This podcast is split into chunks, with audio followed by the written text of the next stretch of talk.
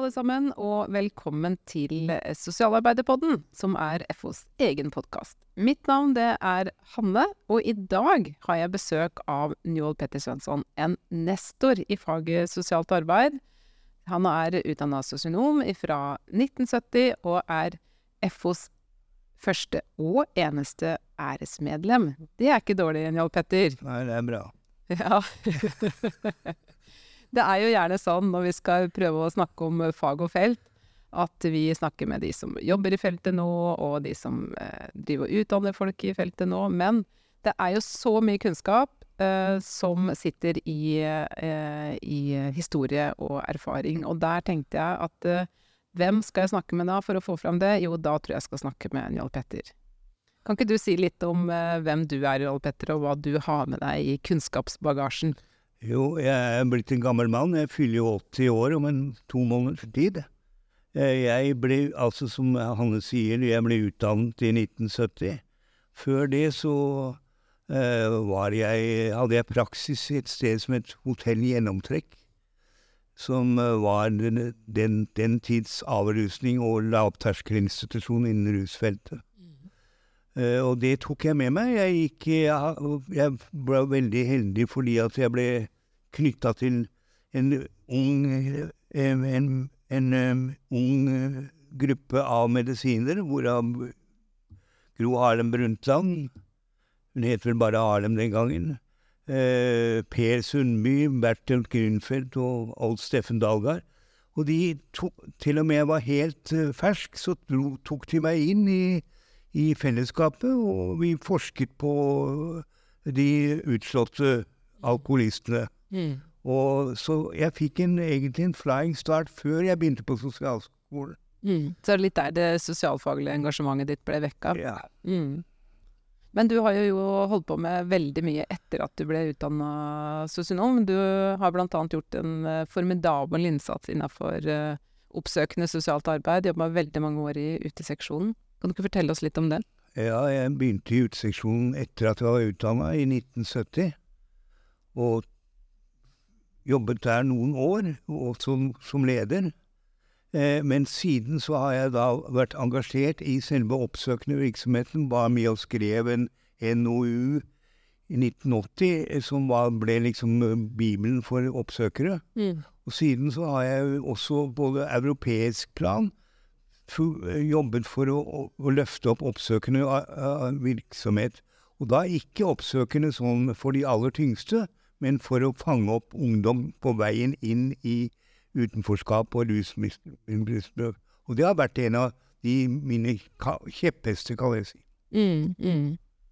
Og så har du også engasjert deg innafor uh, si bredden av våre fag, både innafor barnevern og sosiale tjenester eh, og Nav, så det skal vi, skal vi dukke litt eh, sånn inn i etter hvert. Men vi kan jo starte liksom med å si hvor, hva, hva, er, eh, hva, er, statusen til sosialt arbeid eh, i Norge i dag, sånn som du vurderer det, med, din, med dine briller og med ditt ståsted? Jeg syns den er svak, og blitt mm. svakere. Eh, ikke fordi at, at sosialarbeiderne er blitt mindre dyktige, men simpelthen fordi at man har byråkratisert og, eh, systemene, og at sosialtjenesten forsvant inn i Nav og er blitt litt borte der. Og eh, barnevernsdelen forsvant litt over i Bufdir og blitt litt borte der. Altså dette sammenhengen mellom familiearbeid og, og forebyggende barnevern. Og rusfeltet, som jeg også har jobbet veldig mye i, eh, forsvant over i helsevesenet. Så dermed så blir sosial tjenestens, eh, skal vi si, mangfoldige til, eh, kontakt med, med, med viktig felt, de, de, blir, de, blir, litt borte. Mm. Så de sosialfaglige arbeidsområdene har eh, de siste eh, tiårene blitt splitta opp, ikke sant? Man har på en måte fått den fragmenteringa av tjenestene som gjør at det helhetlige sosialfaglige arbeidet vanskeliggjøres, da, rett og slett. Og Sosialdepartementet har også blitt borte, vi har ikke en egen sosialminister. Det er jo noe FO har jobba mye for å tematisere den siste tida. Ja, det syns jeg er bra. Ja. Det er jo helt åpenbart at den arbeids...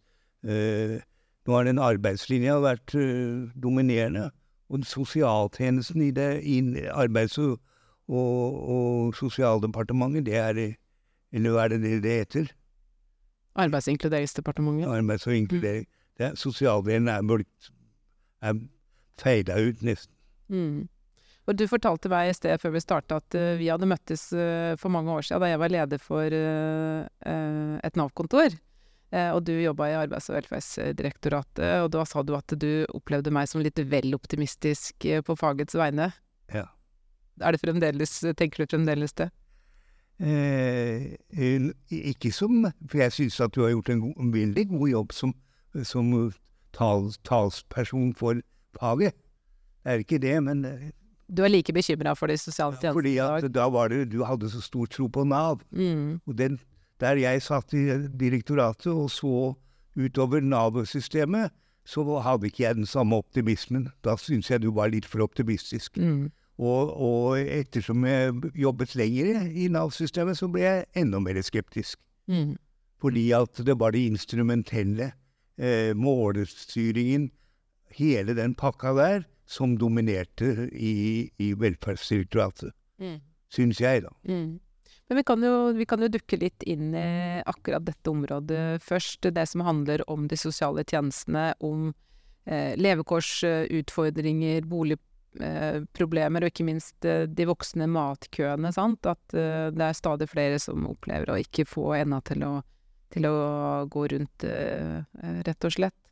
Hvor er det vi har feila, og ikke minst hva er veien ut av det her uføret? Ja, det, det siste skulle jeg gjerne hatt uh, svaret på, et klart og tydelig svar. Nei, men uh, det er jo helt uh, Bare for å si litt om de, de matkøene og, og den situasjonen vi er i. Altså, det, er det noe som opprører meg, så er vi jo i et steinrikt lever et steinrikt samfunn. Eh, som eh, eh, Hvor hvor, hvor holdt på å si Tesla-biler og Porsche er blitt vanlige folkebiler. Og samtidig har vi økende matkøer Mm. blant vanlige folk også. Ikke bare de som tradisjonelt Så det er, det er noe som er gått feil her. Mm. Og vel 400 000 fatt, under fattigdomsgrensen og over 110 000 barn. Så det syns jeg er en svær utfordring. Og noe av det ligger nok i den generelle samfunnsutviklingen, men noe av det ligger også i forhold til hvordan vi har skrudd sammen hjelpeapparatet vårt, tror jeg. Mm. At, at, at vi ender opp med at Nav henviser eh, til Frelsesarmeen for å, at vi kan få, få mat, Mm. det syns jeg er helt motsatt av sånn det skal være. Mm. Og dette handler jo også litt om at de sosiale tjenestene har blitt mindre tilgjengelige også for folk flest, ikke sant. Jeg, etter overgangen til Nav så har man på en måte blitt fanga av den sånn institusjonelle rammeverket som Ja. Nav representerer, da, med, med ett telefonnummer inn og eh, mindre åpningstider, ja, rett og slett mindre fysisk eh, tilgjengelighet til de tjenestene. Så, så det er jo en, en vei ut, er jo nettopp å å løfte de sosiale tjenestene i større grad på den sosialpolitiske dagsordenen, og, og jeg håper å si at det, det er de tjenestene som må styrkes, da, for at man skal klare å komme ut av det uføret man har, har i dag. Øke tilgjengeligheten og, og endre litt av praksisen. Mm. Det, vi hadde jo en gammel jeg- har jo en sånn gammel devise at skal du hjelpe folk, så må du gå ut og hjelpe folk der de lever. Det vil si, da kan du ikke sitte på et kontor som er stengt. Du må jo egentlig drive oppsøkende virksomhet. Og jeg tenker på den, den tiden vi drev og jobbet for ungdom og i risiko.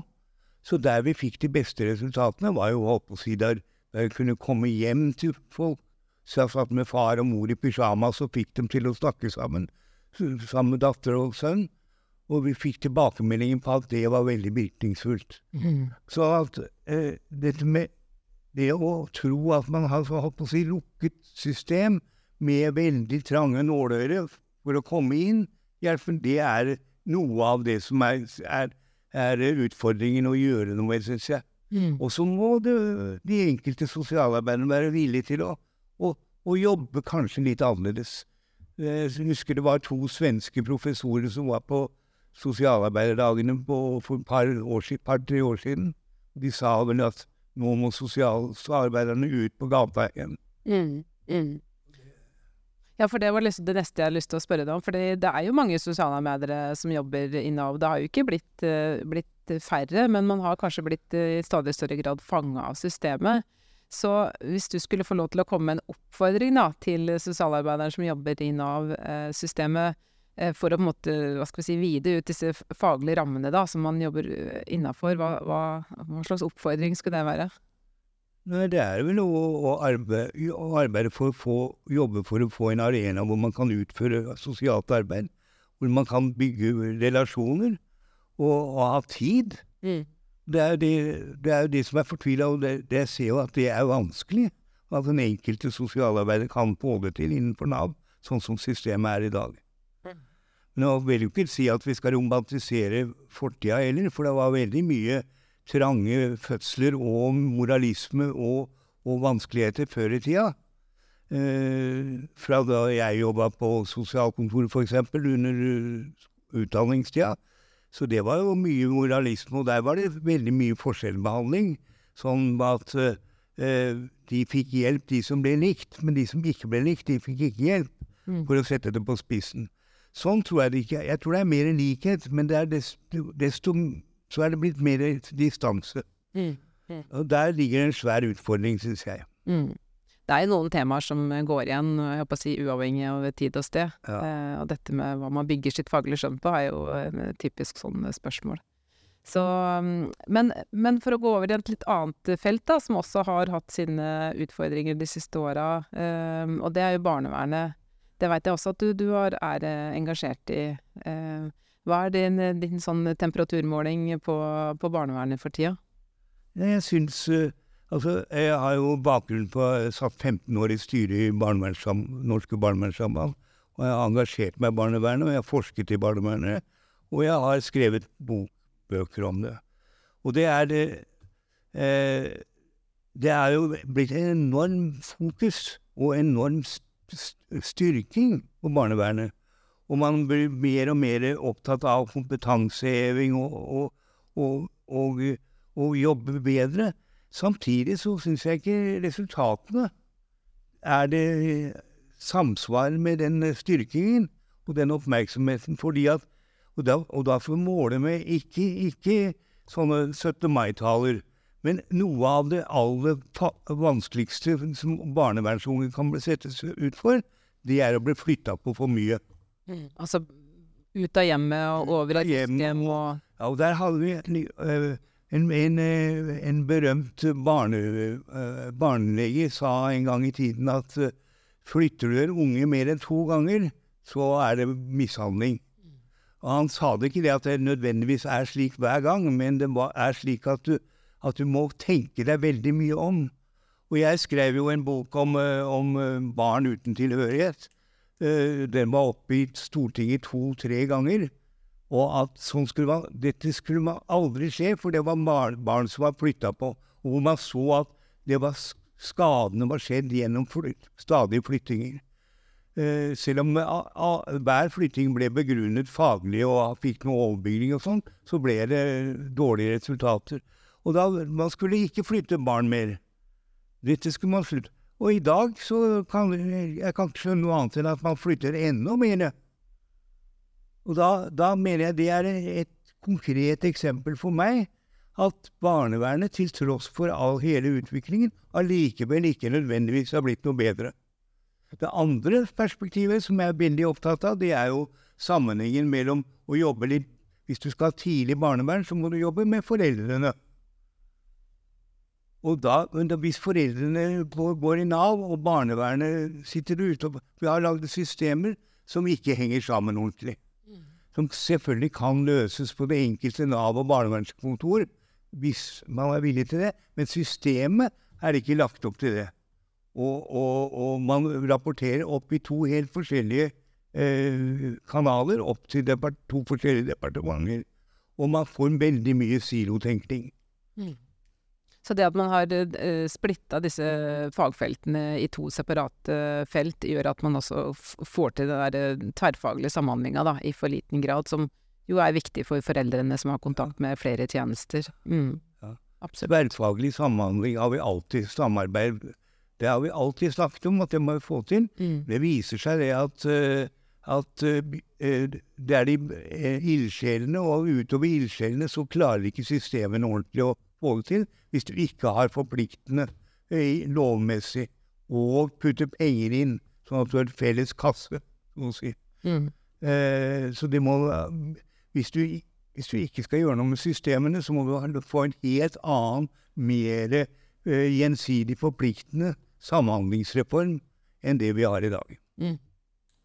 Det gjelder også rusfeltet, forresten. Du nevner eh, rus, uh, Njål Petter, det skal vi komme litt tilbake til. Men bare liten eh, Bare dvele litt mer med barnevernet. fordi nå får vi jo en Eller vi står midt oppi en oppvekstreform, egentlig. Noen, kaller det også barnevernsreform. Hvor man på en måte skal flytte, prøve å flytte fokus og innsats inn mot eh, nettopp det du sier, forebyggende innsats. eh, hjelpe både barn og familier tidligere, da. Eh, og at også andre tjenester må bidra i større grad. Altså Nav må ha sterkere barneperspektiv. Helsestasjonen må eh, jobbe mer med de sårbare eh, familiene, kanskje. Eh, altså alle må på en måte ha litt mer sånn de barnevernfaglige brillene på, da, eh, i møte med, med familier ute i kommunene. Hva tenker du om det? Er, det? er vi ikke på rett vei da? Ja, det er Veldig bra. T tanken og idealene er veldig bra. Mm. Man får se hvordan man får det til. Ja. Da er det sånn at man Da blir jo den der Det er mye lettere å holde 17. mai-taler om samarbeid, Philip Bom Bom, enn en å virkelig få det til i praksis. Sånn at det blir over lang tid. Når du får til, å få til samarbeid eh, i prosjektorganisering, har vi veldig mange gode eksempler. Men så skal det vare, og skal det feste seg i de vanlige strukturene. Og der ligger det noen utfordringer. Mm, mm. Og da har jeg også bare lyst til å legge til at eh, jeg tror også det handler om at man har ledere i de forskjellige tjenestene som har sosialfaglig kunnskap og kompetanse, sånn at man også eh, kjenner til hverandres eh, arbeidsområder og har en forståelse av hva den helhetlige hjelpa egentlig dreier seg om, da. Og det gjelder jo også ikke minst innafor rusfeltet, som du så korrekt beskriver har nå blitt mer mindre et helsefaglig felt. Det jobber sosialarbeidere i rusomsorgen enda, men, men eh, de har på en måte blitt litt sånn fanga av den her eh, mer sånn helselogikken, da. Eh, hva er det man taper ved å ikke ha et veldig sånn tydelig sosialfaglig fokus i rusarbeidet, tenker du? Taper det samme som i, i andre, altså familieperspektiv, det å relasjonsjobbing, det å forstå eh, at det at du er rus, har en utfordring med rus, betyr ikke det at det er en ren medisinsk eh, sak. Det er jo ofte svikter på flere områder i samfunnsmessig sammenheng også. Så det er en helhetlig perspektivet er like viktig i rusomsorgen. Derfor så lagde vi Jeg, jeg bygde jo opp disse kompetansesentrene i rus eh, som i, løpet av 90-årene. Og, og de skulle da være på en måte eh, en sånn slags eh, eh, kompetanse og pådriver og helhetstenkende for, disse, for rusfeltet. Og jeg, og jeg tror, de eksisterer jo ennå, så det har ikke vært helt mislykket. Men eh, hvor, hvor sterk, sterke gjennomslag de har, nå som det er en del av uteluk, utelukkende en del av helsevesenet, det vet jeg ikke. Mm.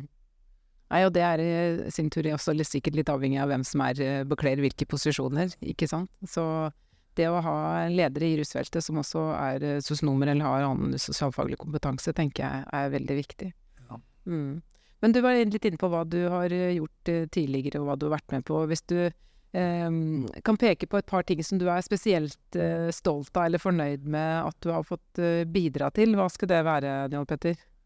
Ja, da er jeg vel eh, egentlig først og fremst at jeg har bidratt med å bygge opp oppsøkende virksomhet. Var med og lagde denne NOU-en eh, som, som, som da dannet grunnlaget for, for utekontakter over hele landet.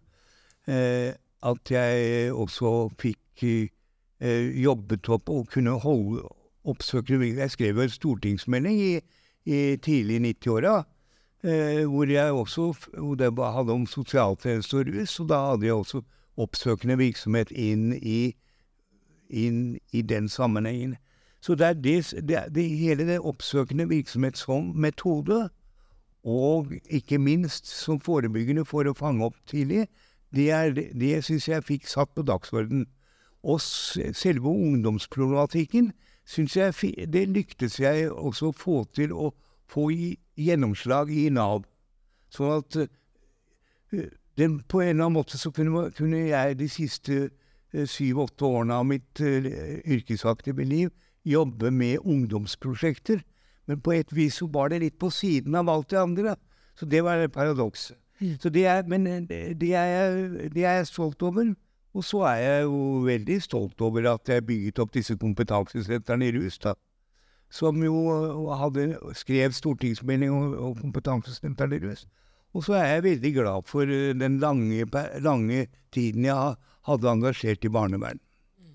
Og var engasjert i barnevern både, både på, på si, praksis og i, på sosialpolitisk nivå.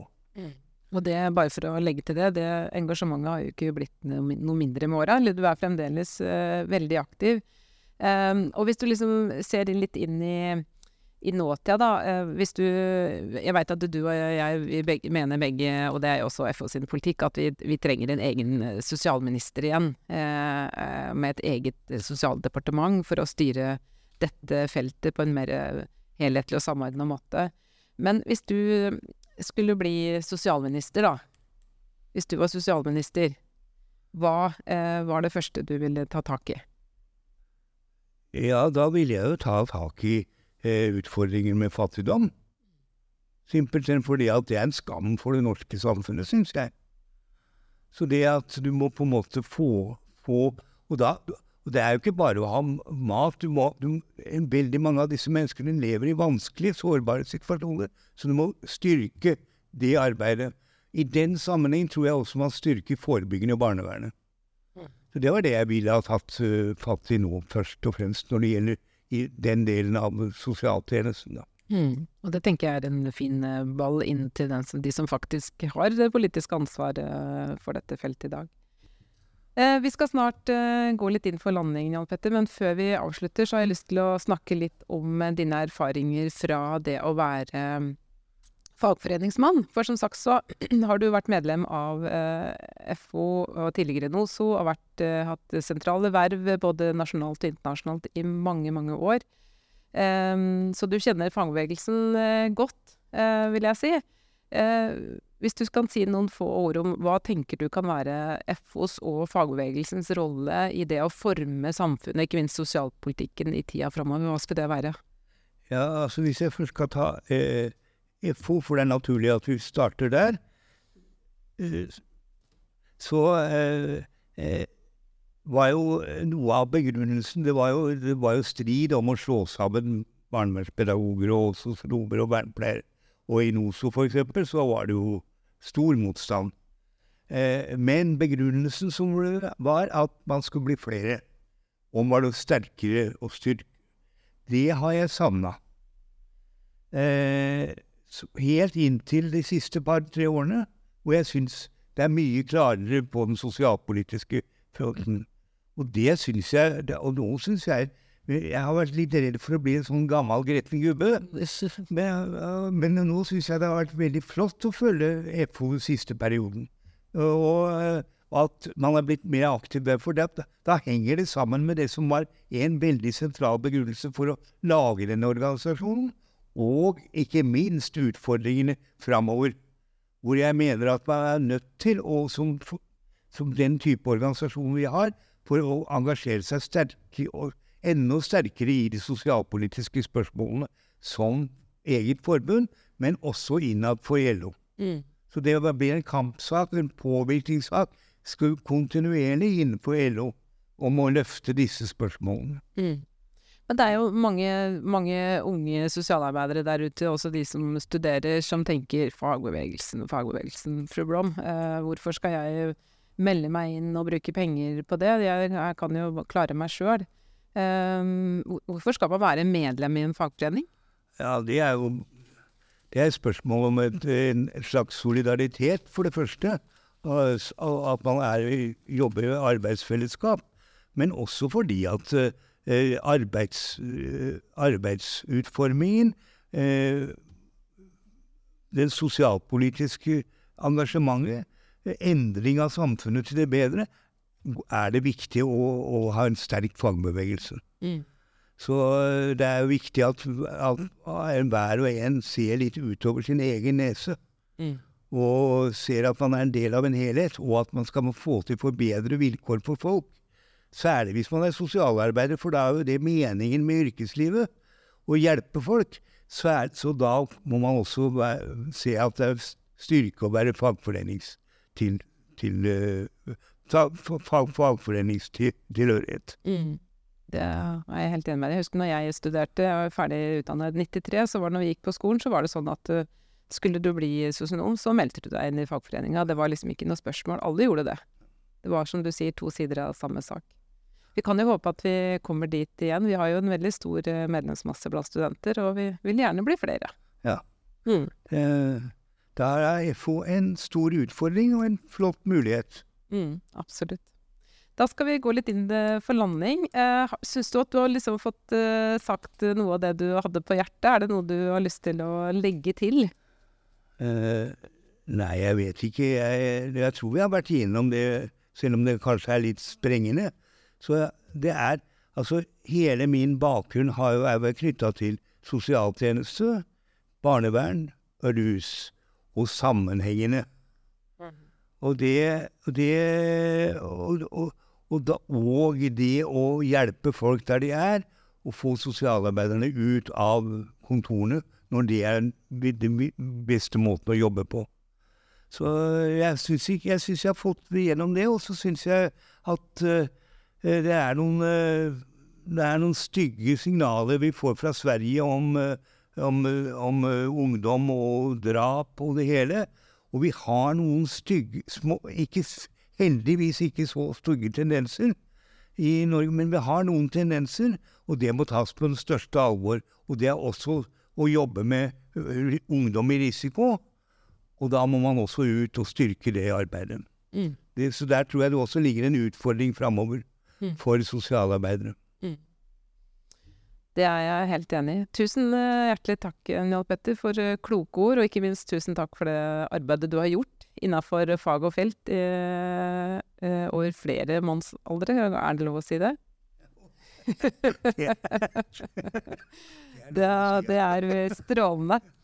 Eh, og jeg tror det ligger veldig mye kunnskap i eh, det som eh, folk har gjort før oss. Og man skal ikke være så redd for å gå litt tilbake i historien og lære av den. Så det vil jeg egentlig avslutte med som en appell til de unge sosialarbeiderne som lytter på oss. og Se litt på hva andre har gjort før dere. Det fins veldig mye kunnskap og erfaring som man kan dra veksler på. Så med det så vil jeg eh, takke for denne eh, episoden av Sosialarbeiderpodden, eh, og minne alle på at eh, dere kan abonnere på Sosialarbeiderpodden på de eh, arenaene der som dere vanligvis hører på podkast. Og hvis du er sosialarbeider som lytter, og ikke er medlem av FO allerede, så vil jeg anbefale deg å gå inn på fo.no og gjøre deg kjent med denne fagforeninga, dette profesjonsforbundet Eh, sammen er vi sterke, og vi trenger å få med oss alle i flokken for å bli enda sterkere. Så med det sier vi takk for nå.